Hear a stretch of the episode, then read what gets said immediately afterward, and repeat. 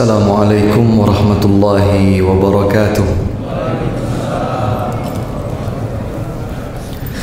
أعوذ بالله من الشيطان الرجيم. بسم الله الرحمن الرحيم. الحمد لله. الحمد لله الذي أرسل رسوله بالهدى ودين الحق ليظهره على الدين كله وكفى بالله شهيدا. أشهد أن لا إله إلا الله وحده لا شريك له إقرارا به وتوحيدا. وأشهد أن نبينا محمدا عبده ورسوله صلى الله عليه وعلى آله وأصحابه وسلم تسليما مزيدا. أما بعد اللهم علمنا ما ينفعنا وانفعنا بما علمتنا وزدنا علما اللهم إنا نعوذ بك من علم لا ينفع من قلب لا يخشع ومن نفس لا تشبع ومن دعاء لا يستجاب له ثم أما بعد Jamaah yang dimuliakan oleh Allah Subhanahu wa taala. Alhamdulillah Hendaklah kita terus dan senantiasa memanjatkan puji serta bersyukur kepada Allah Subhanahu wa taala. Karena kembali lagi kita dikumpulkan dan dipersatukan oleh Allah Subhanahu wa taala di salah satu di antara rumah-rumahnya di masjid ini. Tidak lain adalah untuk mendekatkan diri kepada Allah Subhanahu wa taala melalui ibadah yang diharapkan dapat menjadikan kedudukan kita di sisi Allah Subhanahu wa taala semakin tinggi. Karena sesungguhnya salah satu di antara keistimewaan ibadah talabul ilmi, belajar ilmu agama adalah bahwa ibadah tersebut dapat mengangkat kedudukan seorang hamba semakin tinggi di sisi Allah. Allah Subhanahu wa taala berfirman, "Yarfa'illahu alladhina amanu minkum walladhina utul ilma darajat." Allah Subhanahu wa taala mengangkat kedudukan orang-orang yang beriman di antara kalian dan orang-orang yang dianugerahi ilmu di antara kalian sekian derajat. Semakin tinggi kadar iman seseorang, semakin sempurna kualitas imannya, maka semakin ia tinggi di sisi Allah. Dan semakin berkualitas ilmu agama yang dipelajari serta diamalkannya, juga ia akan semakin tinggi kedudukannya di sisi Allah Subhanahu wa taala. Maka semoga Allah Subhanahu wa taala tidak hanya menyatukan hati kita tetapi juga menyatukan kebersamaan kita jiwa dan raga di atas kebenaran menuntut ilmu agar kita semakin dekat kepada Allah Subhanahu wa taala. Salawat serta salam semoga senantiasa tersampaikan kepada Nabi Muhammad sallallahu alaihi wa ala alihi wasallam kepada keluarga beliau kepada istri-istri beliau ummahatul mukminin kepada seluruh sahabat beliau tanpa terkecuali dan kepada siapa pun di antara umatnya yang istiqamah di atas tuntunan sunnah dan ajaran beliau hingga akhir zaman nanti. Hadirin sekalian, Alhamdulillah masih terbayang dalam ingatan kami bahwa sejak awalnya kajian rutin ini diselenggarakan maka jumlah yang ikut serta tidak sebanyak sekarang. Ini adalah sebuah anugerah kenikmatan dari Allah bahwa kita bersatu di tempat ini di rumah Allah Subhanahu wa taala yang mulia ini dipersatukan oleh sebuah kemuliaan ilmu. Kita tidak dipersatukan hanya sekedar untuk sebuah kepentingan hanya karena sebuah ketertarikan atau fanatisme kepada sesuatu atau kepada seseorang tetapi benar-benar kita memurnikan niat kita kepada Allah Subhanahu wa taala untuk mencari kebenaran. Menggali kembali lebih mendalam tuntunan agama Allah Subhanahu wa taala yang dibangun di atas ayat-ayat suci Al-Qur'an yang dibangun di atas hadis-hadis sahih dari Nabi Muhammad sallallahu alaihi wasallam dan dengan pemahaman yang lurus yaitu pemahaman para sahabat radhiyallahu anhu. Karena memang mereka adalah generasi terbaik umat ini. Di sepanjang perjalanan sejarah umat Islam, maka yang paling baik adalah generasi para sahabat. Murid-murid langsung yang berguru dari Nabi Muhammad sallallahu alaihi wasallam. Terus dari generasi ke generasi ilmu mereka disampaikan dan hingga sekarang sampai kepada kita.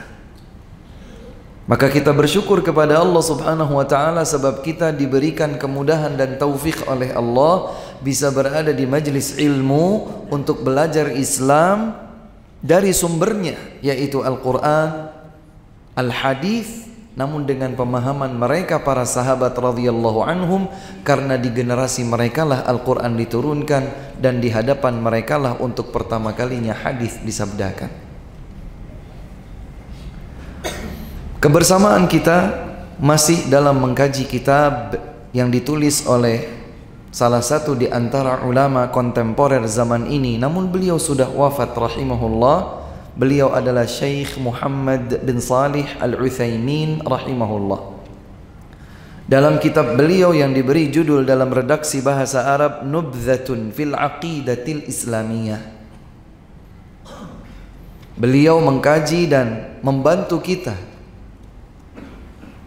memahami rukun-rukun iman secara lebih terperinci agar tidak lagi rukun iman itu hanya bisa disebutkan aku beriman kepada Allah, kepada malaikat, kepada kitab-kitab, kepada rasul, kepada hari akhir, kepada takdir selesai. Padahal ayat-ayat Al-Qur'an, hadis-hadis Nabi sallallahu alaihi wasallam mengungkap lebih detail mengajarkan dan membimbing kita lebih sempurna. Ketika seorang hamba menyatakan aku beriman kepada Allah, apa konsekuensinya? Apa yang harus aku lakukan ketika aku menyatakan bahwa diriku telah beriman kepada Allah? Dan tidak kurang dari lima kali pertemuan sejak kitab ini pertama kali kita kaji, pembahasan tentang konsekuensi beriman kepada Allah Subhanahu wa taala. Yang intinya ada empat. Ketika seseorang beriman kepada Allah Subhanahu wa taala, maka yang pertama dia beriman terhadap keberadaan Allah. Dia beriman bahwa Allah itu ada. Dan keberadaan Allah Subhanahu wa taala juga dikuatkan dengan empat hal. Fitrah, akal, indra ya satunya dalil syariat bahwa seluruh kitab-kitab suci menyebutkan kitab suci agama Allah yang diturunkan kepada Nabi dan Rasul menyebutkan keberadaan Allah Subhanahu wa taala. Jadi seseorang ketika menyatakan dirinya beriman kepada Allah, maka konsekuensinya dia beriman bahwa Allah itu benar-benar ada. Kemudian yang kedua, dia beriman terhadap rububiyah. Semua ketuhanan yang dimiliki oleh Allah Subhanahu wa taala. Allah menciptakan, Allah menghidupkan, Allah mematikan, Allah memberikan rizki, Allah menguji sakit, Allah yang menyembuhkan, Allah Allah Allah semua makna ketuhanan yang ada pada Allah Subhanahu wa taala kita yakini. Kemudian yang ketiga, kita beriman terhadap uluhiyah. Hak Allah Subhanahu wa taala untuk satu-satunya disembah. Ketika seseorang beriman bahwa Allah Subhanahu wa taala itu esa, esa dalam semua sifat ketuhanannya, maka konsekuensinya adalah dia pun beribadah hanya kepada Allah. Qul inna salati wa nusuki wa mahyaya wa mamati lillah lillahi rabbil alamin. Iyyaka na'budu wa iyyaka nasta'in. Ya Allah hanya kepada Engkau. Kalau dalam bahasa kita disebutkan hanya maka artinya ada sebuah pembatasan, tidak lebih dari itu. Ya Allah hanya kepada Engkau, tidak kepada yang lain. Hanya kepada Engkau kami menyembah. Hanya kepada Engkau kami memohon pertolongan maka kita esakan Allah Subhanahu wa taala sebagai satu-satunya yang berhak untuk disembah. Itu konsekuensi ketiga. Adapun konsekuensi yang keempat adalah beriman terhadap nama-nama Allah Subhanahu wa taala yang indah dan sifat-sifat Allah Subhanahu wa taala yang tinggi. Dan itulah pembahasan kita pada pertemuan terakhir bulan yang lalu yang kebetulan diselenggarakan di tempat yang lain bukan di masjid ini. Ya, kemudian kita sudah membahas tentang dua golongan yang menyimpang dari beriman terhadap al-asma was sifat, nama dan sifat Allah yang mulia dan lagi tinggi, ada dua kelompok yang menyimpang. Yang pertama adalah al muawwilah awil mu'attilah yang menggugurkan sifat Allah yang menggugurkan nama-nama Allah mereka mencampakkan nama Allah mereka mencampakkan sifat Allah subhanahu wa ta'ala bahkan sebagian mereka dengan terus terang berkata Allah tidak punya sifat ini subhanallah di dalam ayatnya Allah menyebutkan Allah memiliki sifat A mereka bilang enggak maksudnya adalah yang lain. Subhanallah. Sudah pertama mereka mengatakan tidak, yang kedua mereka seakan mewakili Allah dengan maksud yang lain. Kemudian kelompok menyimpang yang kedua dalam hal keimanan terhadap al-asma wa sifat adalah al-musyabbihah yang menyerupakan Allah dengan makhluknya. Ketika Allah Subhanahu wa taala misalnya menyatakan innallaha samii'un basir wa huwas samii'ul basir. Dialah Allah yang Maha mendengar lagi Maha melihat. Kata kelompok yang kedua ini, ya Allah mendengar, pendengaran seperti pendengaran makhluknya. Allah melihat tapi seperti penglihatan makhluknya. Ya akhi, kita sadar benar bahwa penglihatan kita sebagai makhluk adalah penglihatan yang terbatas. Ini masjid keluar masuknya melalui pintu. Pertanyaan sederhana saja, dapatkah penglihatan orang yang paling kuat sekalipun bisa melihat apa yang ada di balik pintu itu? Dia tidak tahu. Oh bisa Ustadz pakai alat tertentu. Kalau dipasang bisa menerawang. Berapa jauh? Satu kilo, sepuluh kilometer, seratus kilometer, seribu kilometer. Oh ada Ustaz, seseorang yang memiliki kekuatan supra. Bohong.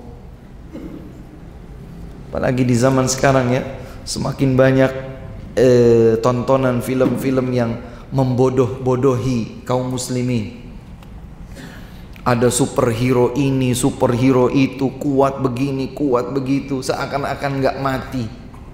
Subhanallah. Manusia diakui atau tidak adalah makhluk yang memiliki segala keterbatasan. Maka bagaimana mungkin keterbatasan yang ada pada makhluk menjadi dasar keimanan kita tentang sifat-sifat Allah yang maha mulia padahal sifat Allah maha tinggi lagi maha sempurna.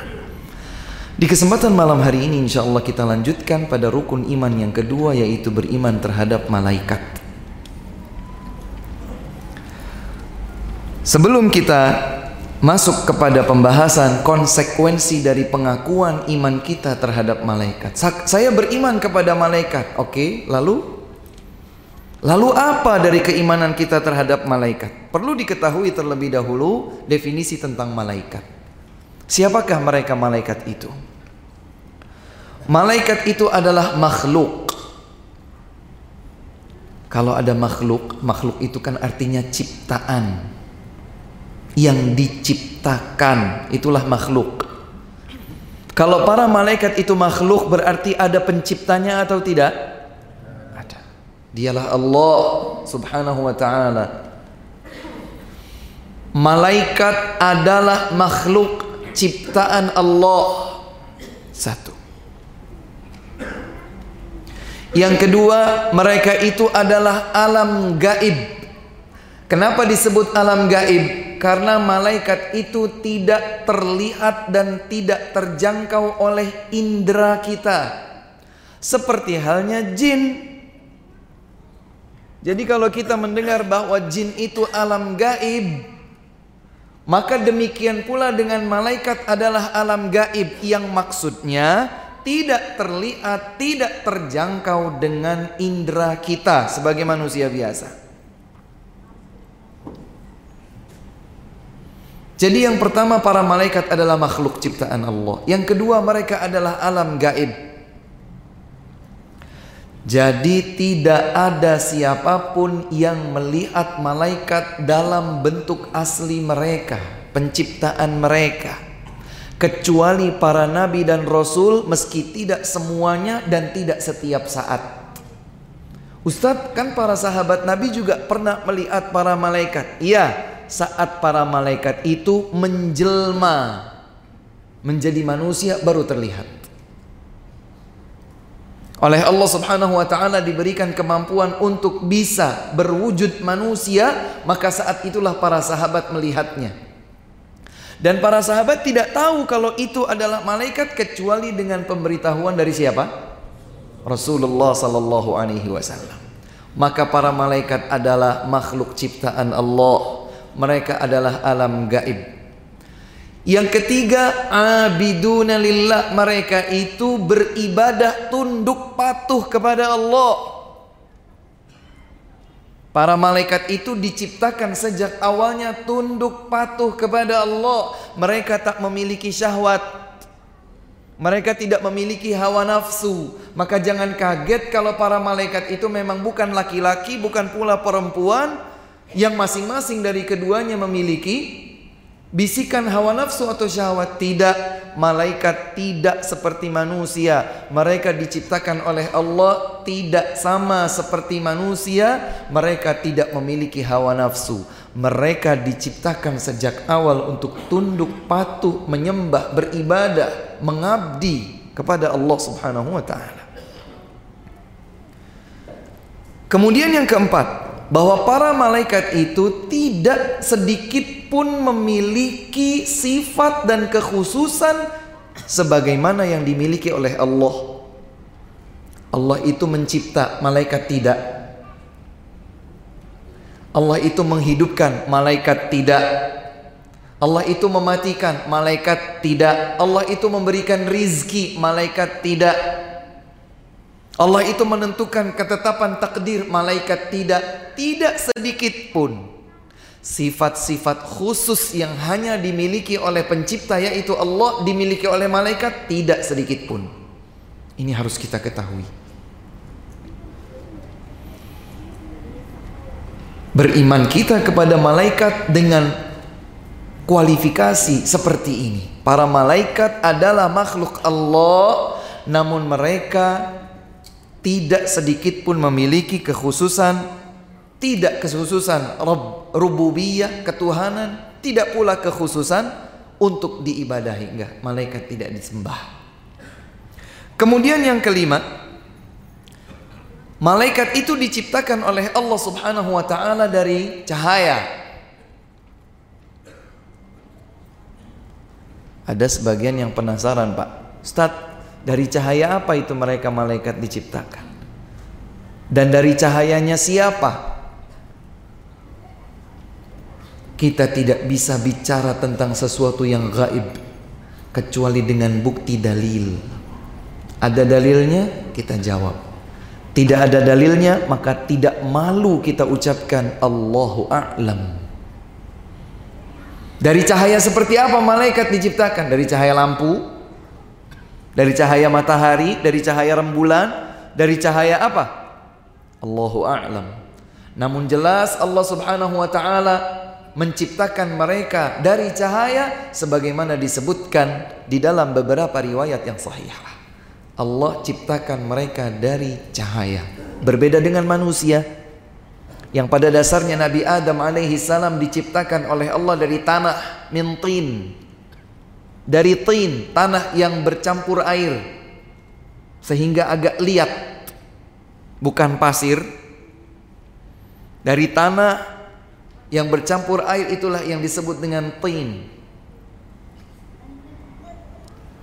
Kemudian dari Nabi Adam alaihi salam bersama istrinya Hawa alaihi salam terciptalah manusia keturunan demi keturunan dari air yang disebut dengan air mani. Malaikat tidak seperti itu sama sekali. Malaikat tidak diciptakan seperti manusia, terbuat, tercipta dari tanah tetapi manu, tetapi malaikat itu tercipta dari cahaya sehingga mereka bukan berketurunan.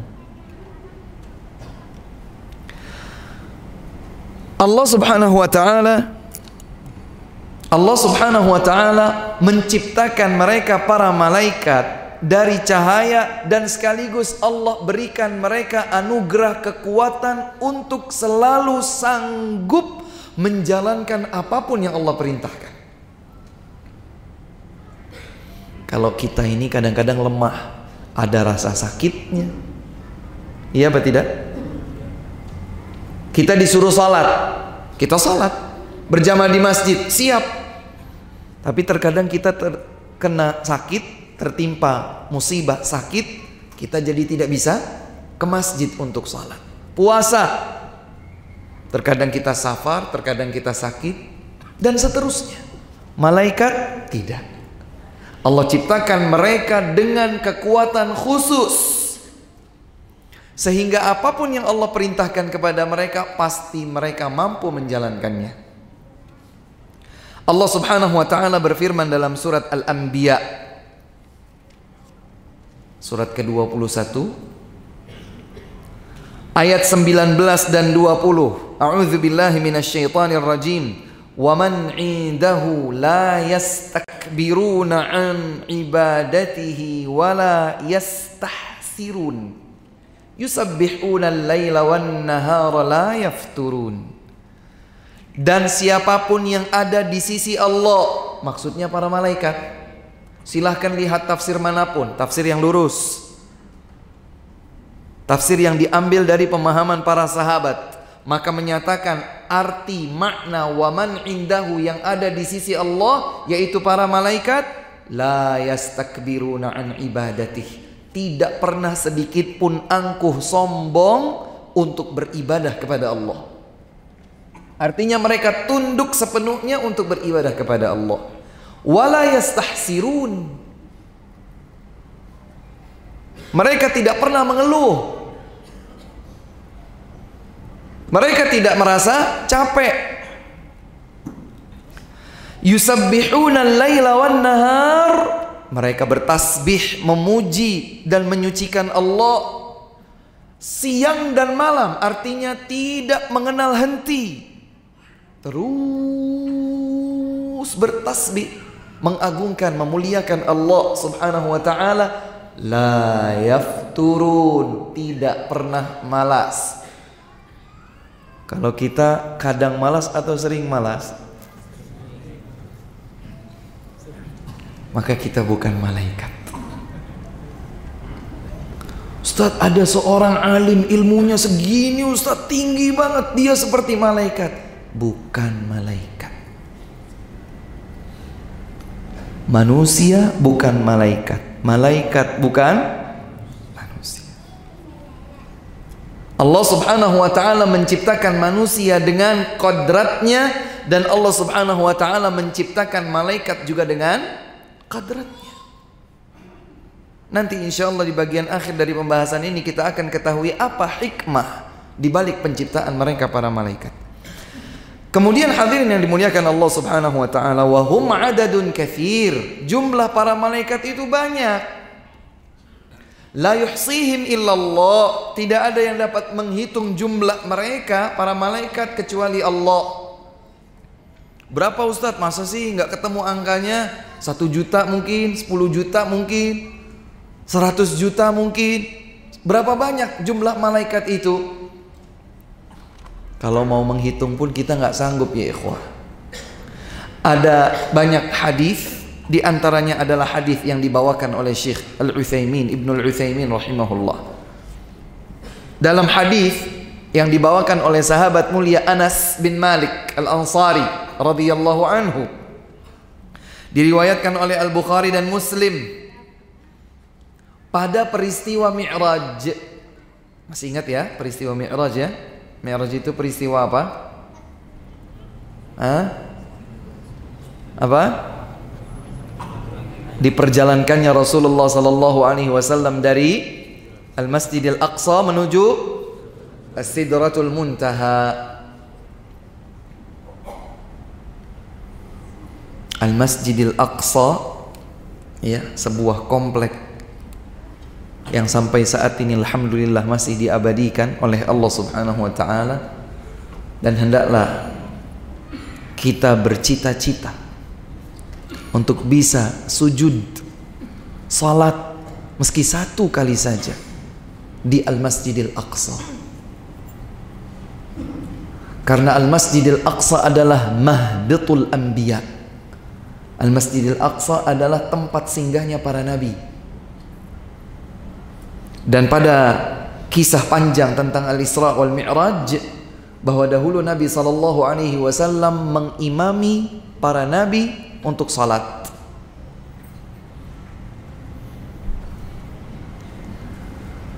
Pada peristiwa Mi'raj diperjalankannya Nabi sallallahu alaihi wasallam dari Al-Masjidil Aqsa sampai ke As-Sidratul Muntaha maka Nabi sallallahu alaihi wasallam diangkat sampai ke sebuah tempat yang disebut Al-Baitul Ma'mur. Apa namanya? Al-Baitul Ma'mur. Al-Baitul Ma'mur adanya di langit di atas ketinggian. Kemudian kata Nabi sallallahu alaihi wasallam, "Yusalli fihi kulla yaumin sab'una alf malak." Setiap hari di Al-Baitul Ma'mur masuk dan salat di dalamnya 70 ribu malaikat. Berapa? 70 ribu malaikat. Kapan? Setiap hari Oh itu ada angkanya Ustaz 70 ribu. Idza kharaju lam ya'udu ilaihim akhir ma alaihim. Begitu selesai salat mereka keluar yang sudah keluar tidak masuk kembali setiap hari. Jadi ada berapa? Ah, jadinya ada berapa? Masuk 70 ribu Mereka juga keluar setiap hari yang sudah keluar tidak pernah masuk kembali setiap hari. Jadi berapa banyaknya? Silahkan dihitung sendiri.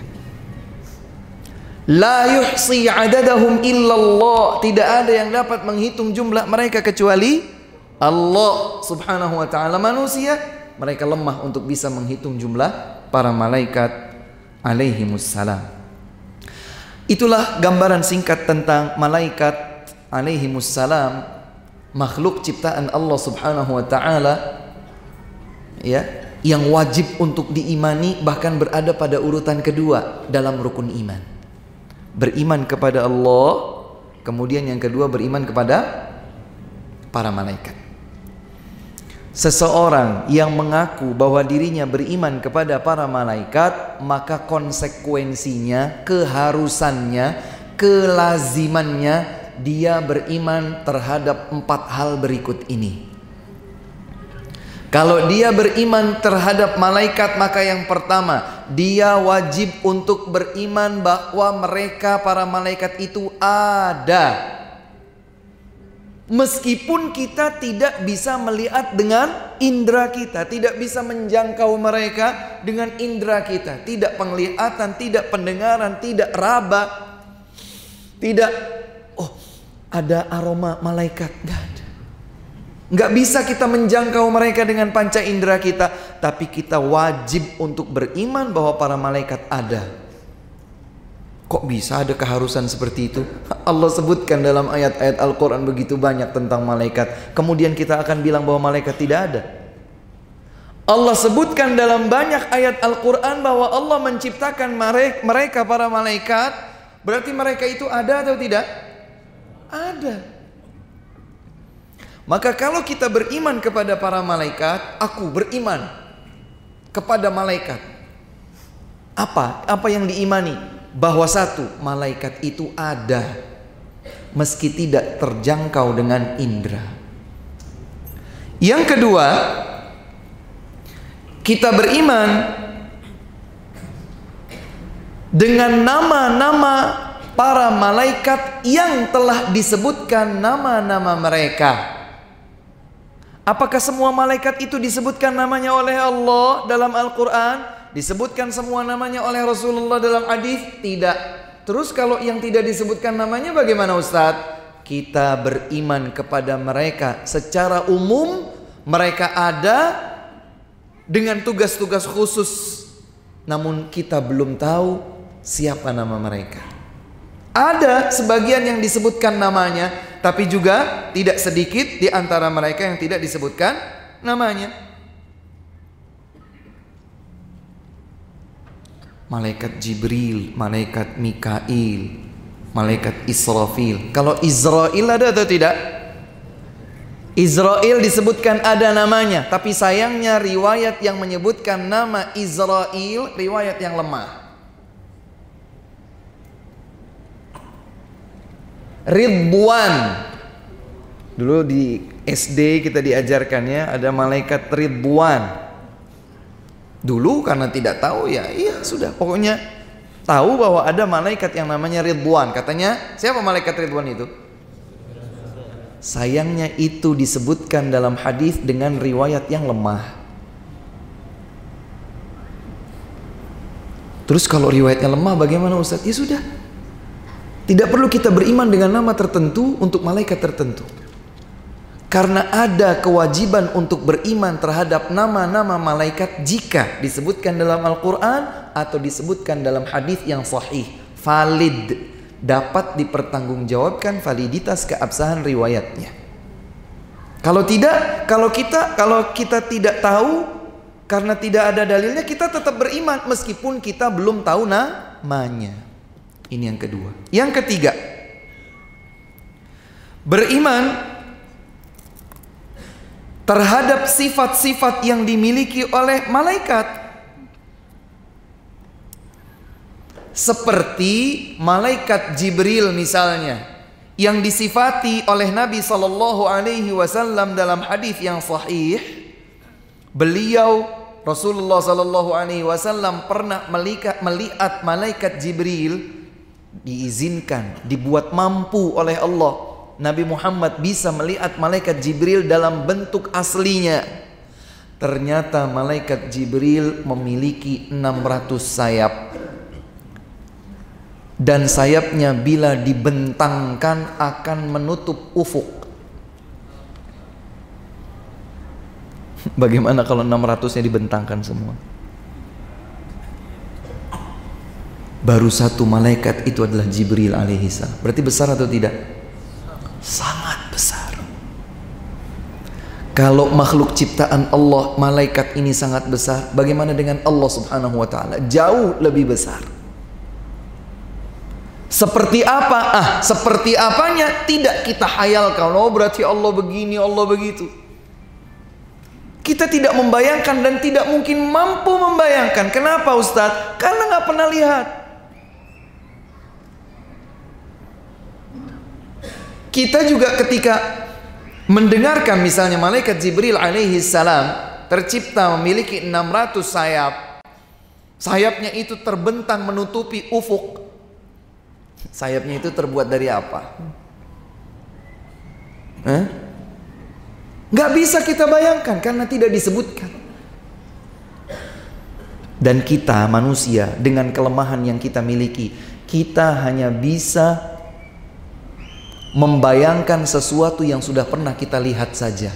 Kalau kita tidak pernah lihat, tidak bisa kita deskripsikan. Contoh kalau saya sebutkan.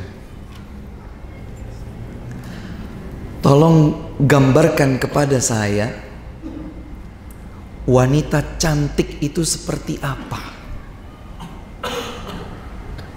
Maka masing-masing hanya bisa mendeskripsikan apa yang pernah dilihatnya, iya apa tidak? Dia pernah melihat, kemudian menilai ini cantik, ah baru dideskripsikan. Wanita cantik itu yang begini, matanya begini, hidungnya begini, pipinya begini. Menurut siapa? Menurut saya. Nanti ada orang yang lain punya versi cantik yang berbeda, dia akan mendeskripsikan sesuai dengan yang pernah dilihatnya. Kalau begitu, maka standarnya akan berbeda-beda. Maka Allah subhanahu wa ta'ala tidak mungkin dibayangkan bagaimana zatnya, bagaimana sifatnya karena kita tidak pernah melihat Allah subhanahu wa ta'ala. Tapi kita wajib untuk beriman bahwa Allah subhanahu wa ta'ala akbar yang paling besar.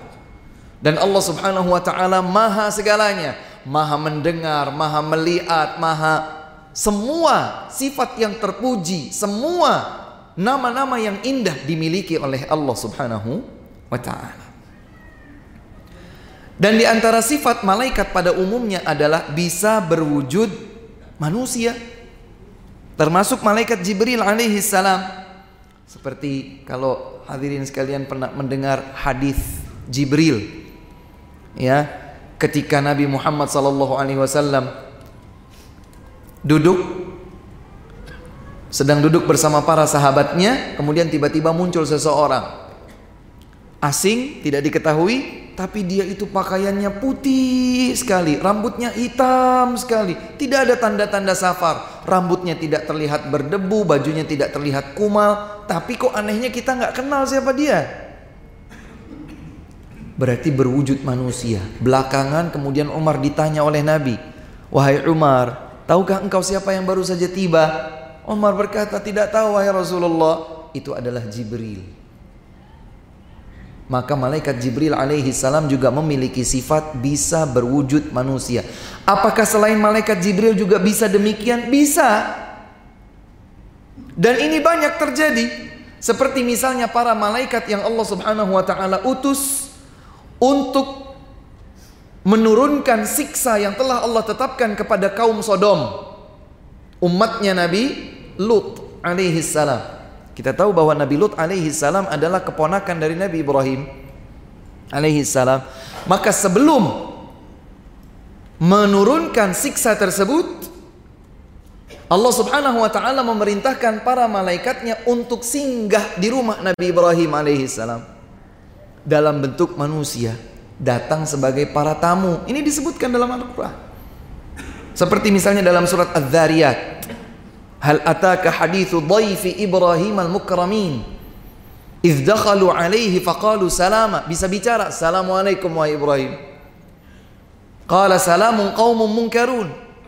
Salam kembali untuk kalian tapi kami tidak mengenal siapa kalian. Buru-buru Nabi Ibrahim masuk Memberitahukan kepada istrinya Sarah Ayo segera sembelih Al-ijl Sapi Anak sapi disembelih. Samin yang gemuk Ketika dihidangkan nggak ada yang makan. Fa'aujasa fi nafsihi khifah. Duh, kenapa nih makanan saya tidak dimakan? Maka barulah kemudian mereka mengabarkan sesungguhnya kami adalah utusan Allah, itu para malaikat. Yang sudah diperintahkan untuk menurunkan siksa azab kepada kaum Sodom sekaligus juga kami diperintahkan untuk singgah menemui engkau untuk membawa kabar berita bahwa istrimu Sarah akan punya anak bernama Yakub dan Yakub akan punya uh, bernama Ishak dan Ishak akan punya anak keturunan bernama Yakub. Sampai-sampai Sarah tampar dirinya sendiri. Fasakkat wajhaha wa qalat ajuz aqim. Gimana saya sudah tua, saya juga mandul, gimana mungkin punya anak? Diberitahukan bahwa jika Allah berkehendak maka semua tidak ada yang mustahil. Maka beriman kepada malaikat juga artinya beriman terhadap sifat-sifat mereka. Yang keempat, yang terakhir, yaitu beriman terhadap segenap tugas yang Allah Subhanahu wa taala embankan kepada mereka para malaikat. Kita lanjutkan insyaallah setelah salat Isya. Wallahu taala a'lamu bis-shawab. Sallallahu wasallam wa baraka ala nabiyyina Muhammadin wa ala alihi wa sahbihi wasallam wa akhiru da'wana alhamdulillahi rabbil alamin. Assalamualaikum warahmatullahi wabarakatuh. Jibril alaihi salam bahwa malaikat Jibril itu memiliki sayap. Apakah para malaikat semuanya memiliki sayap? Iya, para malaikat semuanya memiliki sayap sebagaimana firman Allah Subhanahu wa taala dalam surat Ghafir ayat yang pertama. Ghafiriz dzambi ja'ilil malaikata rusulan uli ajnihatin mathna wa thulatha wa ruba' Allah Subhanahu wa taala menciptakan para malaikat memiliki ajnihah sayap-sayap. Ada yang dua ada yang tiga ada yang empat. Yazidu fil khalqi ma yasha. Dan ada yang lebih daripada itu sesuai dengan kehendak Allah subhanahu wa ta'ala. Demikian pula yang keempat adalah beriman bahwa para malaikat itu memiliki tugas yang Allah subhanahu wa ta'ala percayakan kepada mereka di antara tugas para malaikat itu ada yang hanya bertasbih. Pagi, siang, sore, malam para malaikat itu hanya bertasbih. Ada pula yang memikul arsh. Arsh Allah subhanahu wa ta'ala. Ada pula misalnya malaikat Jibril. Sebagai malaikat yang dipercaya untuk menyampaikan wahyu kepada para nabi dan rasul. Hanya malaikat Jibril alaihi salam malaikat yang Allah Subhanahu wa taala tugaskan untuk membawa wahyu dari Allah kepada para nabi dan rasul. Demikian pula ada malaikat Mikail. Uh, disebutkan dalam hadis di antara nama lain Jibril adalah Jibrail. Ini disebutkan dalam sebuah hadis ya di mana Nabi wasallam dalam salah satu doanya berkata Allahumma rabb Jibril. Maka nama lain dari Jibril adalah Jibrail dua-duanya sahih karena keduanya juga disebutkan dalam ayat maupun hadis. Mikail nama lainnya adalah Mikal. Ada Mikail ada Mikal. Dan katanya Allahu a'lam nama Michael itu diambil dari situ. Nama Gabriel diambil dari Jibril. Katanya begitu. Allahu a'lam. Tapi yang jelas terlepas dari nama-nama asing itu, kita sebagai umat Islam mengenal dengan nama Jibril atau Jibrail sebagai malaikat. Kita mengenal nama Mikail atau Mikal sebagai malaikat. Malaikat Mikail dipercaya oleh Allah Subhanahu wa taala untuk menurunkan hujan. Bukan malaikat Mikail yang menurunkan hujan, tapi saat Allah Subhanahu wa taala menetapkan kapan diturunkannya hujan, maka malaikat Mikail melanjutkan tugas tersebut. Kemudian ada malaikat Israfil ya, yang ditugaskan oleh Allah Subhanahu wa taala untuk meniupkan sangkakala saat terjadi hari kiamat saat dibangkitkannya manusia kembali dari kubur mereka. Ada pula malaikat maut. Malakul maut, malaikat al-maut. Maka ia ditugasi oleh Allah Subhanahu wa taala untuk mencabut ruh. Nah, ketika pembahasan ini sebagian orang dengan keterbatasan ilmunya dia bertanya, dengan keterbatasan akal pikirannya dia bertanya, "Ustaz, dalam satu detik itu kan di dunia ini yang meninggal dunia banyak. Itu malaikat Mika, malaikat mautnya itu ada berapa? Ada satu kemudian punya pasukan atau malaikat maut itu ada banyak atau seperti apa? Kita tidak bisa menjawab hal tersebut kecuali dengan dalil.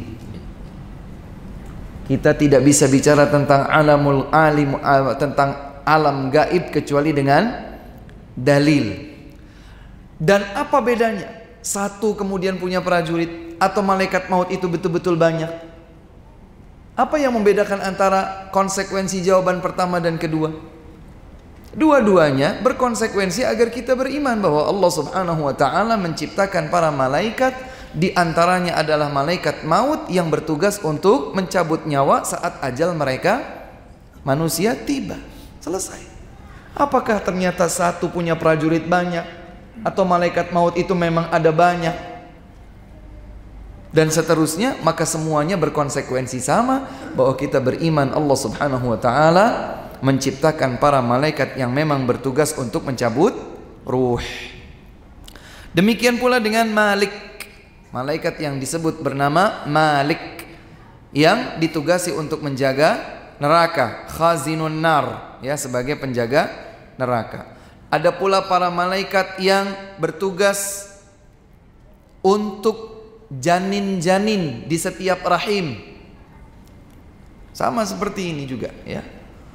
Berapa banyak malaikatnya? Kita tidak bisa bicara tentang sesuatu berkaitan dengan alam gaib kecuali dengan dalil. Para malaikat yang Allah tugaskan untuk mengatur urusan janin dalam setiap rahim, mau satu prajuritnya banyak atau banyak sekaligus, itu tidak merubah konsekuensi kita untuk beriman bahwa mereka para malaikat khusus itu memang ada dengan tugas-tugas tertentu. Jadi kan kita misalnya Pernah dengar bahwa e, manusia itu saat diciptakan di rahim ada masa 40 hari sebagai air mani.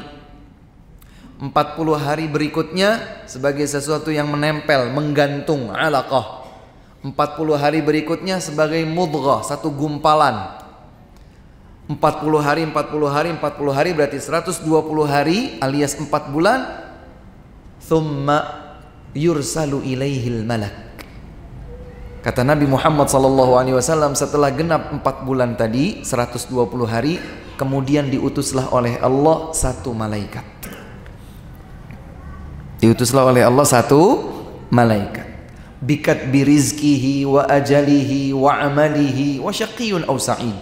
Malaikat itu bertugas untuk menuliskan dari Al-Lauhul Mahfuz kumpulan semua catatan takdir yang terjadi di langit dan di bumi dengan semua yang ada di dalamnya di alam semesta ini kemudian bagian tertentu dari takdir janin tersebut dituliskan rizkinya ajalnya amalnya dan apakah dia akan menjadi hamba yang bahagia atau sengsara semuanya ditulis dan penulisannya tersebut ditugaskan kepada malaikat Demikian pula dengan malaikat yang diberikan tugas untuk mencatat amal perbuatan anak cucu Adam semuanya. Ya, mencatat ucapan, mencatat perbuatan. Bahkan ada malaikat khusus yang berada di pintu setiap masjid setiap hari Jumat untuk mencatat. Jadi ada rankingnya sebetulnya, ada raportnya. Kita itu punya rapor pak, setiap hari Jumat. Dan tenang saja, kita meskipun sudah lupa catatan itu akan abadi di sisi Allah Subhanahu wa taala. Yang datangnya lebih awal maka rankingnya ranking atas. Begitu imam naik khatib naik ke atas mimbar tawaw suhuf mereka tutup catatannya tersebut wajalasu yastami'una dzikra kemudian para malaikat itu ikut duduk dan mendengarkan zikir yang datang setelah itu, yang datang setelah itu maka rapornya tak tercatat. Jadi dapat pahala atau tidak Ustaz? Dapat pahalanya, tapi tidak dapat pahala as-sabaq. Tidak dapat catatan rapor yang uh, berkelas dan seterusnya. Ada malaikat-malaikat khusus yang memang bertugas demikian. Demikian pula ada malaikat yang ditugaskan oleh Allah Subhanahu wa taala dikubur untuk bertanya mungkar wa nakir. Di setiap ada seseorang yang wafat kemudian dimakamkan di liang lahadnya ada malaikat, dua malaikat yang bertanya kepadanya tentang siapa Rabbmu, Apa agamamu? Siapa nabimu? Kalau orang liberal, orang sekuler itu berpikir, udah kasih contekan aja, kasih contekan. Dibikin pakai kertas, diselipkan di kain kafan. Ditulis man buka. Ada jawabannya Rabbi Allah. Sebagian menulisnya dengan tulisan Latin. Man buka M A N R O dan seterusnya. Ya, akhi. Bicara atas nama agama, berbuat atas nama agama, hadirkan dalilnya. Kita ini sedang menjalankan sesuatu yang bukan permainan. Kita menjalankan agama Allah Subhanahu wa taala, maka buktikan bahwa itu memang ada di dalam undang-undang Allah yaitu Al-Qur'an dan tuntunan Rasulullah utusan Allah yaitu dalam hadis.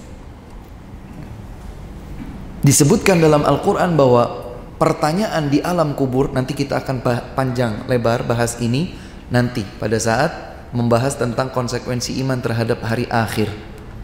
Ya nanti pada waktunya insya Allah di dalam Al-Quran disebutkan Allah subhanahu wa ta'ala berfirman Yuthabbitullahu alladhina amanu bil qawli thabiti fil hayati dunya wa fil akhirah. Allah akan teguhkan ucapan bagi orang-orang yang beriman di kehidupan dunia dan di kehidupan akhirat.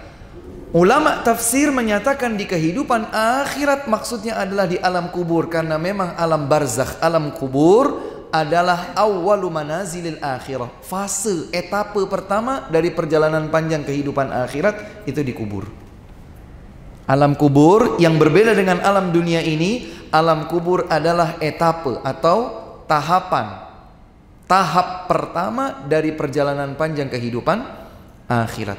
Maka ketika bicara tentang alam kubur atau alam barzakh yang berbeda dengan alam kehidupan dunia, maka catatan contekannya itu nggak bermanfaat.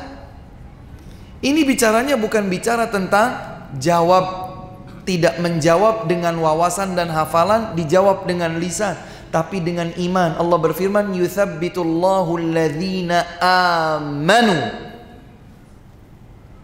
Dengan iman.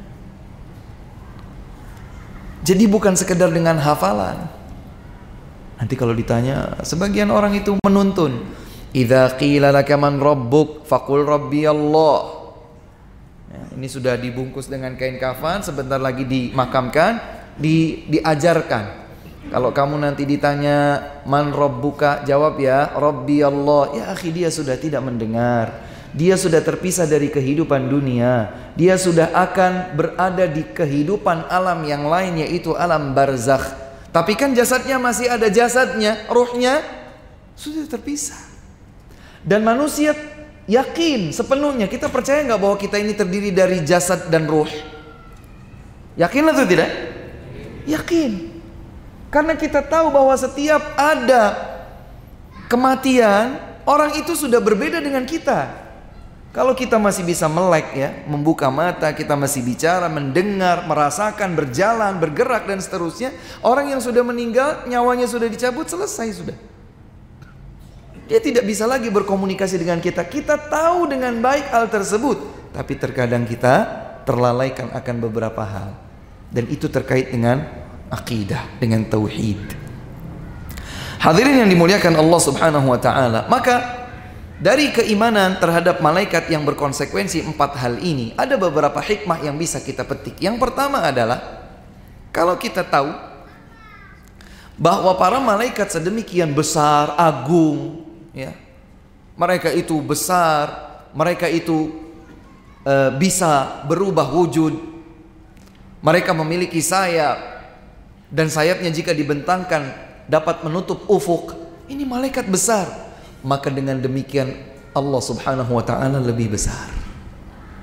Jika malaikat sebagai makhluk-makhluk ciptaan Allah itu besar, maka Allah Subhanahu wa taala jauh lebih agung, jauh lebih besar. Dengan keagungan, dengan kebesaran yang sesuai dengan kesempurnaannya sebagai Al-Khaliq, pencipta. Kemudian di antara hikmah diciptakannya para malaikat adalah agar kita bersyukur kepada Allah Subhanahu wa taala sebab Allah menciptakan makhluk khusus untuk memberikan sekian banyak fasilitas kepada anak cucu Adam. Kita tahu bahwa kita di dunia ini menjalankan ujian. Siapa yang bisa hafal amalnya selama satu tahun? Angkat tangan. Gak usah satu tahun wis. Tiga hari. Ada yang bisa menghafal tiga hari detil perbuatannya dari mulai bangun tidur sampai tidur kembali. Hari ini, kemarin dan kemarin lusa. Ada yang hafal? Manusia itu lemah. Maka Allah Subhanahu wa taala menciptakan para malaikat yang mencatat khusus semua detil yang dilakukan oleh setiap manusia. Yang dilakukan oleh setiap manusia. Maka ini menunjukkan kewajiban kita untuk bersyukur kepada Allah Subhanahu wa taala. Kita butuh hujan, Allah tugaskan malaikat. Kita butuh diutusnya para rasul dan nabi dan seterusnya, maka Allah Subhanahu wa taala utus malaikat dan demikian seterusnya. Kemudian hikmah yang ketiga bahwa para malaikat yang Allah Subhanahu wa taala ciptakan dengan sifat-sifat yang khusus menjadikan kita wajib untuk mencintai mereka. Kenapa? Karena mereka diciptakan hanya benar-benar beribadah kepada Allah Jalla wa ala. Malaikat adalah makhluk yang hidupnya untuk beribadah kepada Allah, tidak sedikit pun tergelincir dalam dosa dan maksiat maka kita cinta makhluk yang sedemikian adanya. Hadirin yang dimuliakan Allah, yang terakhir, bagian terakhir dari pembahasan tentang ini adalah persepsi keliru sebagian orang yang mempercayai bahwa malaikat itu tidak memiliki jasad Maksudnya malaikat itu bukan sebuah bentuk. Malaikat itu hanya wujud dari energi positif. Ibaratun an quwal khairil kaminah. Energi positif yang terselubung ada di tengah-tengah manusia, di tengah-tengah makhluk. Jadi seakan-akan malaikat itu tidak memiliki raga. Malaikat itu tidak memiliki bentuk jasad. Maka ini adalah kesimpulan yang keliru. Loh, kok bisa keliru? Iya.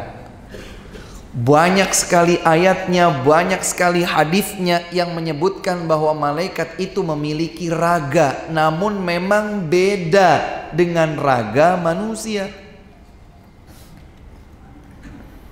Ada yang menyebutkan di dalam beberapa buku disebutkan bahwa eh, kaum-kaum tertentu meyakini bahwa malaikat itu adalah seperti cahaya yang bisa apa ya terbang lembut ke sana ke sini begitu. Sebagian mereka bahkan dengan beraninya menyebutkan seperti halnya ubur-ubur katanya. Subhanallah. Ya, akhi, bicara tentang agama, bicara tentang ciptaan Allah Subhanahu wa taala harus dengan dalil. Maka kita lihat banyak sekali ayat yang menyebutkan bahwa malaikat itu adalah makhluk yang memiliki raga, yang memiliki jasad. Di antaranya firman Allah dalam surat Fatir ayat 1 yang tadi kami bacakan, Alhamdulillah fatiris samawati. Surat Fatir ya, tadi saya keliru kayaknya menyebutkan surat Ghafir. Yang betul adalah surat Fatir ayat pertama, ayat 1. Allah berfirman, Alhamdulillah fatiris samawati wal ardi ja'ilil malaikati rusula uli ajnihatin mathna wa thulatha wa ruba' al-ayah. Segala puji milik Allah, bagi Allah, tertuju kepada Allah, pencipta langit dan bumi, yang telah menjadikan menciptakan manusia sebagai utusan Allah memiliki sayap dua, tiga dan empat. Yazidu fil khalqi ma yasha. Allah menambahkan pada penciptaannya sebagaimana yang Allah kehendaki. Maka seperti tadi disebutkan dalam hadis yang sahih, Nabi pernah melihat malaikat Jibril alaihi salam dalam bentuk aslinya, beliau memiliki 600 sayap, bukan dua, bukan tiga, juga bukan empat. Maka kalau malaikat itu punya sayap, mungkinkah malaikat itu hanya sekedar energi positif yang terselubung pada makhluk? Tidak. Mereka benar-benar ada dengan bentuk dan raga tertentu. Kemudian Allah firmankan dalam surat Al-Anfal, surat yang ke-8, ayat 50. Walau tara idh yatawaffa alladhina kafarul malaikatu yadribuna wujuhahum wa adbarahum Seandainya engkau melihat pada saat orang-orang kafir diwafatkan oleh para malaikat, malaikat memukul-mukul wajah mereka orang kafir dan dubur-dubur mereka. Jadi malaikat memukul wajah dan dubur orang-orang kafir saat orang-orang kafir itu bertemu dengan ajalnya. Gimana itu Ustaz? Kayaknya baik-baik saja yang saya lihat dia orang kafir meninggal les kayak husnul khatimah. Itulah makanya kita tidak bisa mengetahui ruh. Kita yakin bahwa ruh itu ada, tapi coba bentuknya ruh itu seperti apa? Cair, padat, bubuk, gas, uap, apa?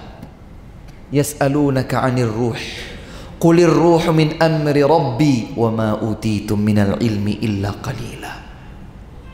Mereka bertanya kepada engkau wahai Muhammad tentang ruh, maka katakan bahwa jawabannya ruh itu adalah ketetapannya Allah. Urusannya Allah, kalian tidak diberi ilmu kecuali sedikit.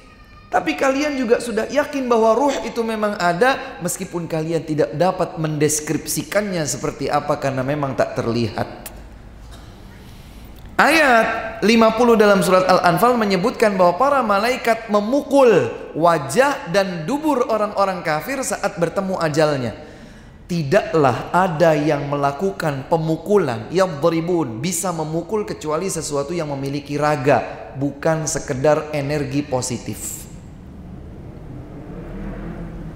Ya, apalagi kalau kemudian saya tidak tahu tapi mungkin Allah a'lam ada yang mengilustrasikannya dalam sebuah film. Misalnya uh dihentakkan begini tiba-tiba ada kekuatan besar. Itulah malaikat. Subhanallah. Malaikat itu bukan sebuah energi positif yang bisa berubah begini berubah begitu. Tidak hanya sekedar itu. Bahkan katanya ada yang mendeskripsikan dalam sebuah film Allahu a'lam saya nggak tahu film yang dimaksud itu film apa bahwa manusia-manusia yang memiliki kemampuan lebih daripada manusia pada umumnya itu adalah titisan para malaikat. Aduh, apalagi ini. Dia yang satu bisa merubah energi apa katanya e, merubah energi api menjadi kekuatan positif, bisa merubah angin jadi begini, bisa cepat begitu dan seterusnya. Itu adalah para malaikat jelmaan atau titisan para malaikat. Ya Allah, kasihan banget ini orang. Dia bicara tentang malaikat tidak dengan dalil. Dalam ayat yang lain surat Al-An'am 93, walau tara idh dhalimuna fi ghamaratil mauti wal malaikatu basitu aydiyahum akhriju anfusakum. Ayat ini menyebutkan bahwa para malaikat memiliki tangan. Jadi para malaikat itu punya tangan, para malaikat itu punya sayap. Ikhwah, sebagian musuh Islam, baik Yahudi atau Nasara atau yang lain, mereka mungkin tahu informasi ini. Maka kemudian mereka membuat deskripsinya dalam film atau dalam sebuah komik cerita hayal atau yang lain. Makhluk luar biasa punya sayap, ada tangannya, Bahkan kalau saya ingat-ingat dulu waktu SD, saya ingat sekali ada buku-buku tulis yang sampulnya itu perempuan cantik bisa terbang gitu ya. Karena dia tidak tidak berada di atas tanah dia terbang ada sayapnya kemudian seakan-akan bersinar di tangannya ada tongkat ujungnya bintang atau apa ditulis angel. Apa tulisannya? Angel katanya. Apa artinya angel malaikat. Sayangnya malaikat itu diwujudkan dalam bentuk perempuan dan keyakinan bahwa para malaikat itu perempuan persis seperti keyakinannya kaum musyrikin zaman zaman jahiliyah yang menyatakan bahwa para malaikat itu adalah putri-putrinya Allah. Waliyadzubillah. Dulu kita tahu begitu setelah belajar agama, ya Allah kita dibodohi sama orang. Karena kita tidak tahu ya sudah kita iya saja. Ada peri inilah, peri itulah dan seterusnya. Peri itu apa? Peri itu ya malaikat lah. Subhanallah. Ada peri cinta, ada peri ini, ada peri itu katanya. Digambarkan itu peri-perinya itu ada yang laki-laki, ada yang perempuan, pakaiannya setengah jadi, dan seterusnya. Lah, seorang mukmin punya jati diri sebagai hamba Allah yang bicara tentang iman atas dasar Quran, atas dasar hadis. Hatta idza fuzzi'a an qulubihim qalu madza qala rabbukum qalu al-haqqa wa huwal aliyyul kabir. Surat Saba ayat 23. Para malaikat itu ketika merasa takut mereka punya takut Qulubihim, mereka punya kulub, mereka punya kalbu. Qalu, mereka bisa berkata, tidak mungkin ini semua hanya sekedar energi positif yang terselubung pada makhluk. Maka malaikat itu punya raga, punya bentuk penciptaan khusus yang Allah ciptakan pada mereka. Wal malaikatu yadkhuluna alaikum min kulli bab. Salamun alaikum bima sabartum fa ni'ma uqbad dar. Surat ar-ra'd 23 dan 24 para malaikat itu masuk dari setiap pintu. Yang masuk itu sesuatu yang beraga. Bukan sekedar energi positif tapi betul-betul sesuatu yang memiliki bentuk, memiliki raga. Kemudian ia bisa berkata, Salamun alaikum. Dia berkata, para malaikat itu berkata kepada para penghuni surga. Wahai para penghuni surga, salamun alaikum, kedamaian bagi kalian, dan seterusnya. Begitu pula dalam beberapa hadis. Hadisnya panjang, saya ringkas. Nabi Shallallahu Alaihi Wasallam bersabda, apabila Allah mencintai seorang hamba, Allah akan panggil malaikat Jibril. Kemudian Allah akan beritahukan pertama kali kepada malaikat Jibril, "Wahai Jibril, aku kata Allah telah cinta kepada hamba fulan, maka cintailah olehmu hamba itu." Maka Jibril pun mencintai hamba tersebut. Mungkinkah kalau seperti ini bahwa malaikat itu hanya sekedar energi positif? Gak mungkin. Pasti malaikat itu ada ada bentuknya, ada raganya, makhluk yang memiliki raga, jasad sesuai dengan bentuk penciptaan Allah. Maka malaikat Jibril mencintai hamba tersebut. Kemudian malaikat Jibril menemui seluruh malaikat yang lain. Wahai para malaikat Allah, sesungguhnya Allah telah cinta kepada fulan dan Allah minta kalian semua untuk mencintainya. Cintailah oleh kalian semua. Fa'ahabbahu ahlus sama, maka para malaikat pun jadi mencintai hamba tersebut. Ini tidak mungkin kecuali punya raga. Begitu pula dengan para malaikat yang berada di pintu-pintu masjid setiap hari Jumat. Mereka menulis, fulan, ah datang duluan, dapat pahala sebesar ini. Fulan datang berikutnya, pahala sebesar ini. Fulan, fulan, fulan, fulan terus sampai ketika imam atau khatib naik ke atas mimbar, idza jalasal imam, imam mulai duduk di atas mimbarnya, tawau suhuf, mereka tutup catatan-catatan tersebut waja'u yastami'una dzikra. Mereka datang untuk mendengarkan zikir ini sebagian kecil dari sekian banyak ayat ataupun hadis yang menyebutkan bahwa malaikat adalah raga atau jasad sesuai dengan bentuk penciptaan Allah subhanahu wa ta'ala. Wallahu ta'ala a'lamu bissawab. Pada pertemuan yang akan datang insyaallah kita akan bahas iman kepada kitab-kitab suci dan iman kepada para nabi dan Rasul. Wallahu a'lam. Ustaz, kenapa kita tidak diizinkan melihat malaikat atau makhluk gaib lainnya? Nah, nanti repot kita ini. Sebetulnya bukan tidak diizinkan, kita tidak mampu. Dan perlu kita ketahui bahwa setiap ketetapan Allah pasti ada hikmahnya. Apakah hikmahnya sudah kita bisa pahami ataupun tidak kita pahami? Setiap penciptaan Allah, setiap ketentuan Allah ada hikmahnya. Bisa kita pahami hikmah tersebut atau akal kita tidak sanggup tidak sanggup untuk memahami hikmah tersebut. Tapi kenapa kemudian kita tidak bisa melihat malaikat? Pertanyaan berikutnya adalah sebelum itu dijawab, Kalau kita sudah bisa lihat malaikat, apakah kita bisa jamin buat diri kita bahwa kita pasti beriman kepada Allah? Justru di sini nilai ujiannya. Masih ingat dengan surat Al-Baqarah apa bunyinya di awal? Alif Lam Mim Dzalikal kitabu la raiba fihi hudal lil muttaqin. Lalu alladzina yu'minuna Ah, catat ini. Alif Lam Mim itulah Al-Qur'an petunjuk bagi orang-orang yang ber, yang bertakwa, tidak ada keraguan di dalamnya. Siapa orang yang bertakwa? Sifat pertama yang Allah sebutkan tentang orang bertakwa adalah mereka yang beriman terhadap yang gaib. Kalau kelihatan udah nggak jadi gaib lagi. nggak ada nilai ujiannya. Justru kita ini berbahagia kita tidak melihat malaikat tapi beriman terhadap malaikat. Iya atau tidak?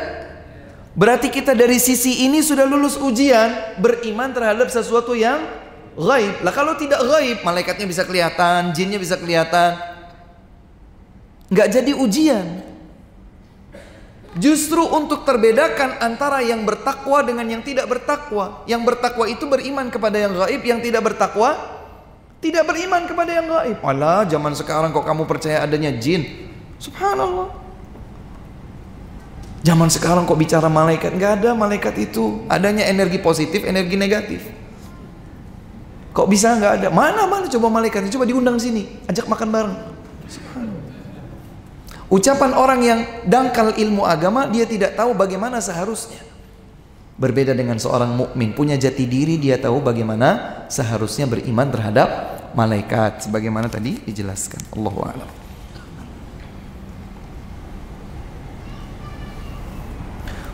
Bagaimana pendapat Ustadz tentang perkataan dalam tanda kutip, wow, orang tersebut memiliki skill kemampuan tingkat dewa. Seperti apa sih tingkat dewa itu? Pertama, dewa itu apa? Siapa? Kemudian skill kemampuan tingkat dewa itu apa? Ini sebetulnya tidak tidak seberapa ilmiah dan tidak jelas, tidak bisa terukur. Biasanya perkataan tersebut keluar ketika melihat orang yang memiliki kemampuan khusus. Apa kemampuan khusus yang dimaksud? Bisa berlari cepat gitu? Secepat kilat? Saya benar-benar penasaran sama orang yang bisa berlari secepat kilat. Kita ini dari kecil, saya dari kecil saya saya masih ingat benar bagaimana ada superhero yang perempuan namanya Wonder Woman. Ya, ada superhero laki-laki namanya Superman, kemudian Superboy adalah super-super apa lagi? Untuk bukan Super Mio, Super Busa. Wow. Tembus angkasa. Betul-betul penasaran saya. Tidak yakin bahwa pembuat filmnya itu juga yakin bahwa ada manusia yang kayak gitu. Nggak ada kita dibohongi. Hayalan saja. Dan sampai sekarang anak keturunan kita pun masih dicekokin dengan film-film seperti itu. Akhi, ukhti bangkit. Kita harus selamatkan diri kita, diri anggota keluarga kita dari hayalan-hayalan khurafat-khurafat yang tidak dibangun di atas sisi ilmiah sekalipun bahkan jauh dari petunjuk dalil dan kebenaran. Saya pernah dapat cerita, Allah alam saya tidak pernah cross check. Uh, aktor pertama pemeran film Superman tahu bagaimana kisahnya? Meninggal dunia jatuh dari kuda yang katanya bisa tembus, bisa api enggak. Matinya diinjek kuda. Gimana ini? Jadi tokoh-tokoh yang seperti itu ya Spiderman lah apalah. Belum lagi katanya juga uh, apa super super itu semuanya dikumpulkan. Nggak nyambung kalau saya itu Semakin kita berilmu, semakin kita akan menganggap itu semua adalah sesuatu yang ringkih, tak bermakna. Bahasa Al-Qur'annya mungkin yang lebih, yang lebih tepat adalah la yusminu wa la yughni min ju'. Tidak membuat kita gemuk, tidak membuat kita kenyang dari rasa lapar. Ilmun la yanfa' jahlun la yabur. Kalau kita berilmu tidak ada manfaat tentang itu, kalau kita nggak berilmu tentang itu juga tidak ada yang bermasalah pada diri kita. Tinggalkan. Min husni islamil mar'i tarkuhu ma la ya'ni. Di antara kualitas baik keimanan seseorang, keislaman seseorang adalah ia tinggalkan yang tidak bermanfaat. Iya betul, ini ada yang koreksi. Ustadz maaf yang tadi yang tepat adalah surat Fatir ayat 1 bukan Ghafir. Tadi saya sudah sebutkan ya. Keliru kalau surat Ghafir tapi surat Fatir ayat yang pertama. Yang benar adalah surat Fatir ayat yang pertama Apa hukumnya memberikan nama malaikat pada anak? Ini dijelaskan oleh para ulama dan mereka berselisih pendapat menjadi dua pendapat. Ada sebagian yang menyatakan itu sebaiknya ditinggalkan. Kenapa? Karena kita tidak mengetahui ada para nabi dan rasul atau para sahabatnya nabi dan rasul menamakan anak-anak mereka dengan nama para malaikat. Ada yang pernah mendengar nama anaknya Nabi Fulan adalah nama malaikat? Tidak. Para sahabat Rasulullah SAW atau kaum Hawariyun misalnya dengan riwayat sahih menamakan anak mereka dengan nama para malaikat? Tidak. Maka sebagian ulama menyatakan makruh. Sebagian yang lain menyatakan boleh. Kenapa boleh? Karena tak ada larangan. Hukum asal sesuatu adalah boleh selama tidak ada larangan. Kalau ada larangan baru ditinggalkan terlepas dari itu semua Alhamdulillah ada hadis-hadis yang menyebutkan petunjuk Nabi Shallallahu Alaihi Wasallam. Beliau bersabda, "Ahabbul asma'i ilallah Abdullah wa Abdurrahman." Nama yang paling dicintai oleh Allah adalah Abdullah dan Abdurrahman. Ini jelas tekstual sekali. Jelas Nabi menyebutkan tuntunan memberikan nama terutama nama anak laki-laki Abdullah Abdurrahman. Dalam riwayat yang lain Al-Harith dan Hammam pakai H. H besar. Hammam dan Al-Harith. Maka namakan itu. Kecuali kalau anaknya, Ustaz anak saya laki-laki 12. Abdullah sudah, Abdurrahman sudah, Harith sudah, Hammam sudah, Abdul Halim sudah, Abdul Karim sudah, Abdul Salam sudah, Abdul Razak sudah, Abdul Muhsin sudah. Anak yang terakhir boleh nggak saya kasih nama Jibril? Misalnya. Ya berdasarkan salah satu di antara dua pendapat para ulama boleh. Namun jika kita bisa mencari nama yang lain itu lebih afdal. Wallahu a'lam. Apa tanda-tanda Allah mencintai kita Pak Ustaz? Tandanya bahwa kita selalu digerakkan oleh Allah dengan taufiknya melakukan amal dan ketaatan kepadanya. Dalam sebuah hadis disebutkan innallaha idza ahabba 'abdan ista'malahu 'alal khair atau kama qala alaihi salatu wassalam. Apabila seorang hamba dicintai oleh Allah maka Allah akan mempergunakan hamba tersebut melakukan ketaatan dan kebaikan. Jadi kalau kita lihat ada seseorang Masya Allah dari mulai bangun tidur selalu saja kebaikan, kebaikan, kebaikan. Ada kelirunya, iya ada kelirunya tetapi tidak mendominasi. Tapi dia selalu dalam kebaikan, kebaikan, kebaikan. Kekeliruan itu manusiawi ada pada diri seseorang. Ya. Tidak mungkin seseorang itu imannya naik terus. Gak mungkin. Ada turunnya. Bahkan Nabi bersabda, seandainya keimanan kalian wahai para sahabatku, keimanan kalian di rumah sama seperti tingkat keimanan kalian saat duduk bersamaku dalam sebuah majelis. Aku ingatkan tentang surga, aku ingatkan tentang neraka. Maka iman kalian bertambah. Ah, kadar iman ini juga ternyata ada di rumah kalian, di mana pun kalian berada. Betul-betul flat tinggi terus. La safahatkumul malaikatu fi turuqikum wa ala furushikum. Niscaya kalian akan dijabati tangan oleh para malaikat di jalan dan di atas kasur. Itu menunjukkan bahwa iman itu tidak mungkin naik tinggi terus. Karena turun. Tapi seorang hamba yang dicintai oleh Allah Subhanahu wa taala, maka dia selalu mendapatkan taufik untuk berada di atas ketaatan. Amalnya ini level high. Kemudian ketika dia surut, ya bukan maksiat tetapi surutnya itu kadarnya berkurang. Biasanya baca Al-Qur'annya 3 jam. Begitu datang sedikit rasa malasnya jadi satu jam. Kita biasa berapa lama? Nah, biasa baca Quran 2 menit, medsosnya 3 jam.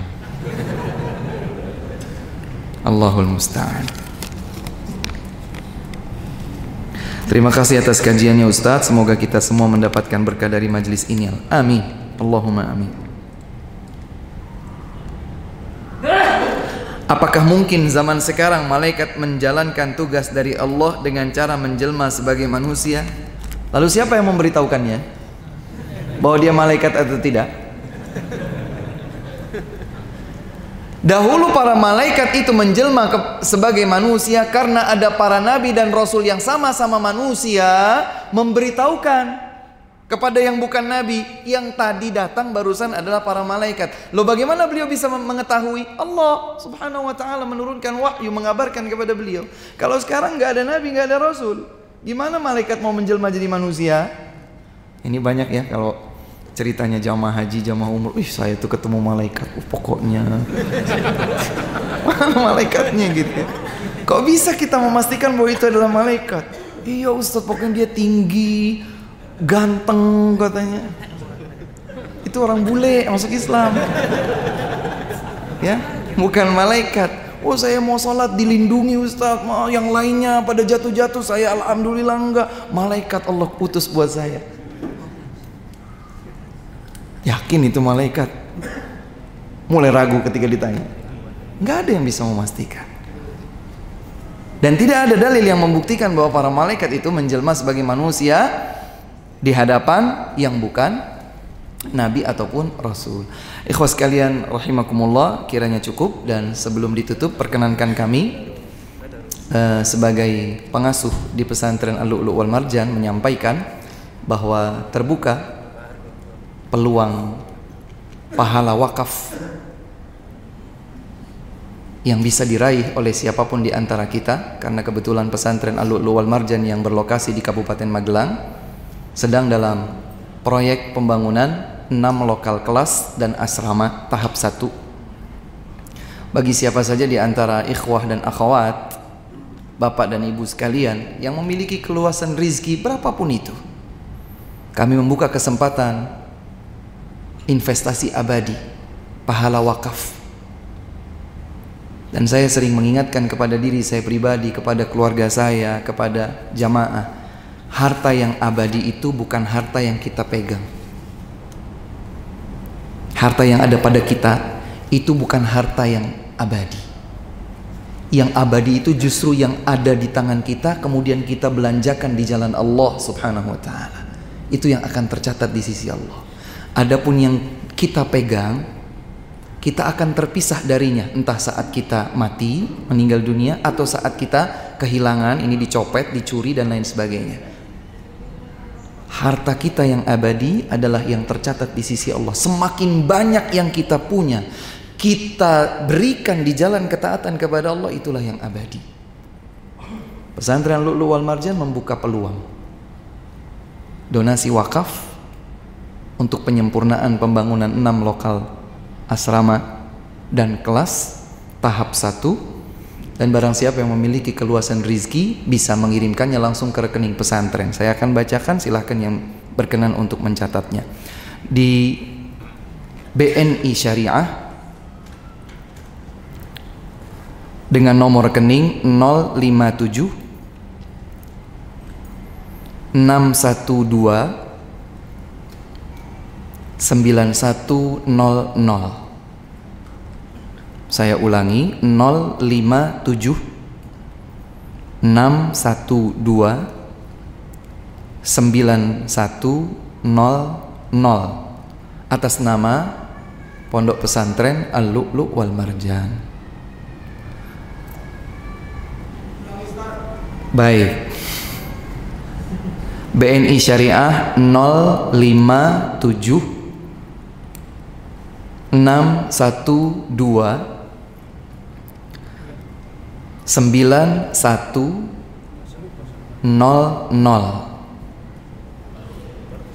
Sekali lagi yang terakhir 057 612